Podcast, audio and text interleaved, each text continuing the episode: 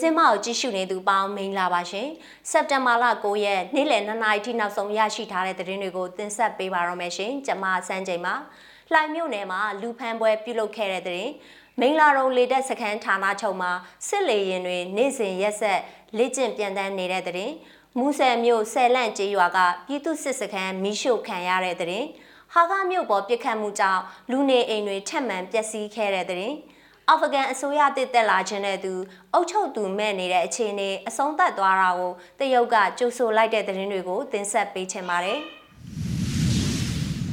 မင်းညကရန်ကုန်မြို့လှိုင်မြို့နယ်73ရက်ကွက်မဟာဆွေလန်းနဲ့အာတော့ကလမ်းတွေမှာဧည့်စင်းစစ်ပြီးအမျိုးသားအမျိုးသမီးစုစုပေါင်းအယောက်တရာနီးပါးအဖမ်းခံခဲ့ရတယ်လို့သိရပါတယ်။ အာတော်ကလည်းမဟာဆွေလန်းတို့ရဲ့နေအိမ်တိုင်းလိုလိုကိုစစ်ဆေးတယ်လို့သိရပြီးအဲ့စင်းရင်တိုင်ပင်မဲ့လည်းရက်ကြော်နေလို့ဖမ်းဆီးခေါ်ဆောင်သွားတာလို့ဆိုပါတယ်။မျက်မြင်တွေ့ရှိသူတဦးရဲ့ပြောပြချက်ရတော့အာတော်ကလမ်းတစ်ခုထဲမှာပဲအယောက်40ကျော်ဖမ်းခေါ်သွားခံရတယ်လို့ပြောပါတယ်။အနီးနားနေထိုင်သူတွေရဲ့ပြောကြားချက်တွေအရတော့အဖမ်းဆီးခံရသူတွေထဲမှာအမျိုးသမီးအရေးအတွက်များတယ်လို့လည်းသိရပါတယ်။အမျိုးသမီးဘယ်နှယောက်ကိုဖမ်းသွားတယ်ဆိုတာတော့အတိအကျမသိရှိရသေးပါဘူး။ လှိုင်မြို့နယ်မှာအဲစင်းတိုင်လိုပါကရက်ွက်ရုံမှာတိုင်ကြားလို့မရပဲမြို့နယ်ရုံအထိတွားရောက်တိုင်ကြားရတယ်လို့လည်းသိရပါတယ်။အဲ့ဒီမြို့နယ်ရုံမှာလည်းဘုံပေါက်မှာကြောက်လို့အပြင်လူပေးမဝင်ဘူးလို့ဆိုပါတယ်။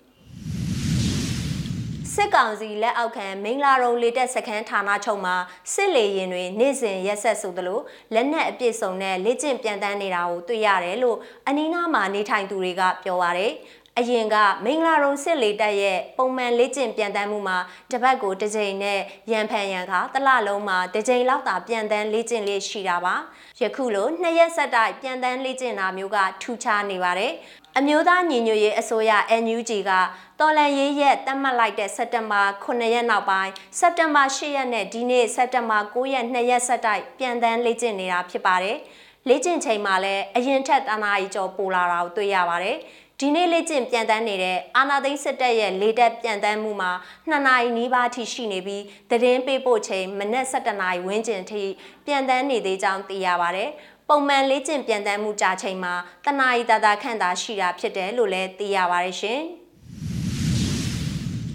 ရှမ်းပြည်နယ်မြောက်ပိုင်းမူဆယ်မြို့ဆယ်လန့်ကျေးရွာကစင်ကြော့ပြည်သူစစ်စခန်းကိုဒီနေ့စက်တင်ဘာလ9ရက်မနက်ပိုင်းမှာမီးရှို့ခံခဲ့ရတယ်လို့သိရပါဗျ။ တေးသေးချာချာဘာမှတော့မသိရသေးဘူးမနက်အစောပိုင်းကမီးရှို့ခံရတာဘယ်သူတွေလို့လဲဆိုတာမသိသေးဘူးလို့ဆယ်လန့်ဒေတာခန်ကပြောပါတယ် စင်ကြော့ပြည်သူစစ်ဟာဒေသခံတွေနဲ့ဆက်ဆံရေးအဆင်ပြေပြီးဒေသခံတွေကလက်ခံထားတဲ့ပြည်သူစစ်အဖွဲ့တစ်ခုဖြစ်တယ်လို့လည်းအဲ့ဒီဒေသခံကပြောပါတယ်။စင်ကြော့ပြည်သူစစ်ဆိုတာအရင်ရှမ်းပြည်တိုးတက်ရေးပါတီရှမ်းသက်မတော် SSPP SSA ရဲ့တပ်မဟာတစ်ခုကနေပြည်သူစစ်အတွင်ပြောင်းခဲ့တဲ့အဖွဲ့ဖြစ်ပြီးရှမ်းပြည်ပူးပေါင်းဆောင်ရွက်ရေးကော်မတီ SSJAC ရဲ့အဖွဲ့ဝင်လည်းဖြစ်ပါတယ်။ ချင်းပြည်နယ်ဟာခါမြို့ပေါ်မှာဒီနေ့စက်တင်ဘာ9ရက်မနက်တနာရီဝန်းကျင်မှာပြစ်ခတ်မှုတွေထပ်ပြီးပေါ်ပေါက်ခဲ့ပါတယ်။ပြစ်ခတ်မှုကြောင့်လူနေအိမ်တစ်ခုပေါ်လက်နက်ကြီးကြီးကြတဲ့အပြင်အိမ်တချို့တနက်ကြီးထိမှန်ပျက်စီးခဲ့တယ်လို့ဒေသခံတွေရဲ့ပြောပြချက်အရသိရပါတယ်။ ဒီတစ်ခါပြစ်ခတ်မှုကတော့အရင်နှစ်ညကပြစ်ခတ်မှုတွေထက်ပိုပြီးပြင်းထန်တယ်လို့ထင်တယ်လူထိခိုက်မှုတော့လောလောဆယ်မသိရသေးဘူးဒါပေမဲ့စစ်ကောင်စီတပ်တွေကအဝေးကနေလက်နက်ကြီးတွေနဲ့အခုလိုမဲမဲမြင်ရပြစ်နေမယ်ဆိုရင်မြို့ပေါ်လူတွေဘယ်သူမှနေရဲမှာမဟုတ်ဘူး တနေ့မဟုတ်တနေ့တော့ထိမိမှာပဲလို့ဒေသခံတဦးကပြောပါတယ်။ဟာဟာမြို့ပေါ်ရက်ွက်တွေမှာစစ်ကောင်စီတပ်တွေနဲ့ CDF တို့နှစ်ဖက်ပစ်ခတ်မှုတွေကြောင့်စက်တင်ဘာ၄ရက်မှာစစ်ကောင်စီတပ်သားတဦးသေဆုံးခဲ့ပြီးစက်တင်ဘာ9ရက်နေ့ညပစ်ခတ်မှုဖြစ်ပြီးတဲ့နောက်မှာလည်းပြည်သူတဦးလက်မောင်းမှာဒဏ်ရာရရှိသွားခဲ့ပါတယ်။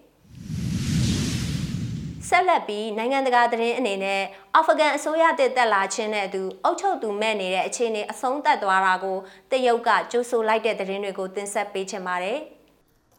ကဘူးမှာဂျားပြက်အစိုးရတဲ့တက်လာတာနဲ့အတူအာဖဂန်နစ္စတန်ရဲ့သတင်းသုံးပတ်ကြာအုပ်ချုပ်သူမဲ့အခြေအနေတွေအဆုံးသတ်သွားခြင်းအပေါ်ကြိုးဆိုကြောင်းတရုတ်က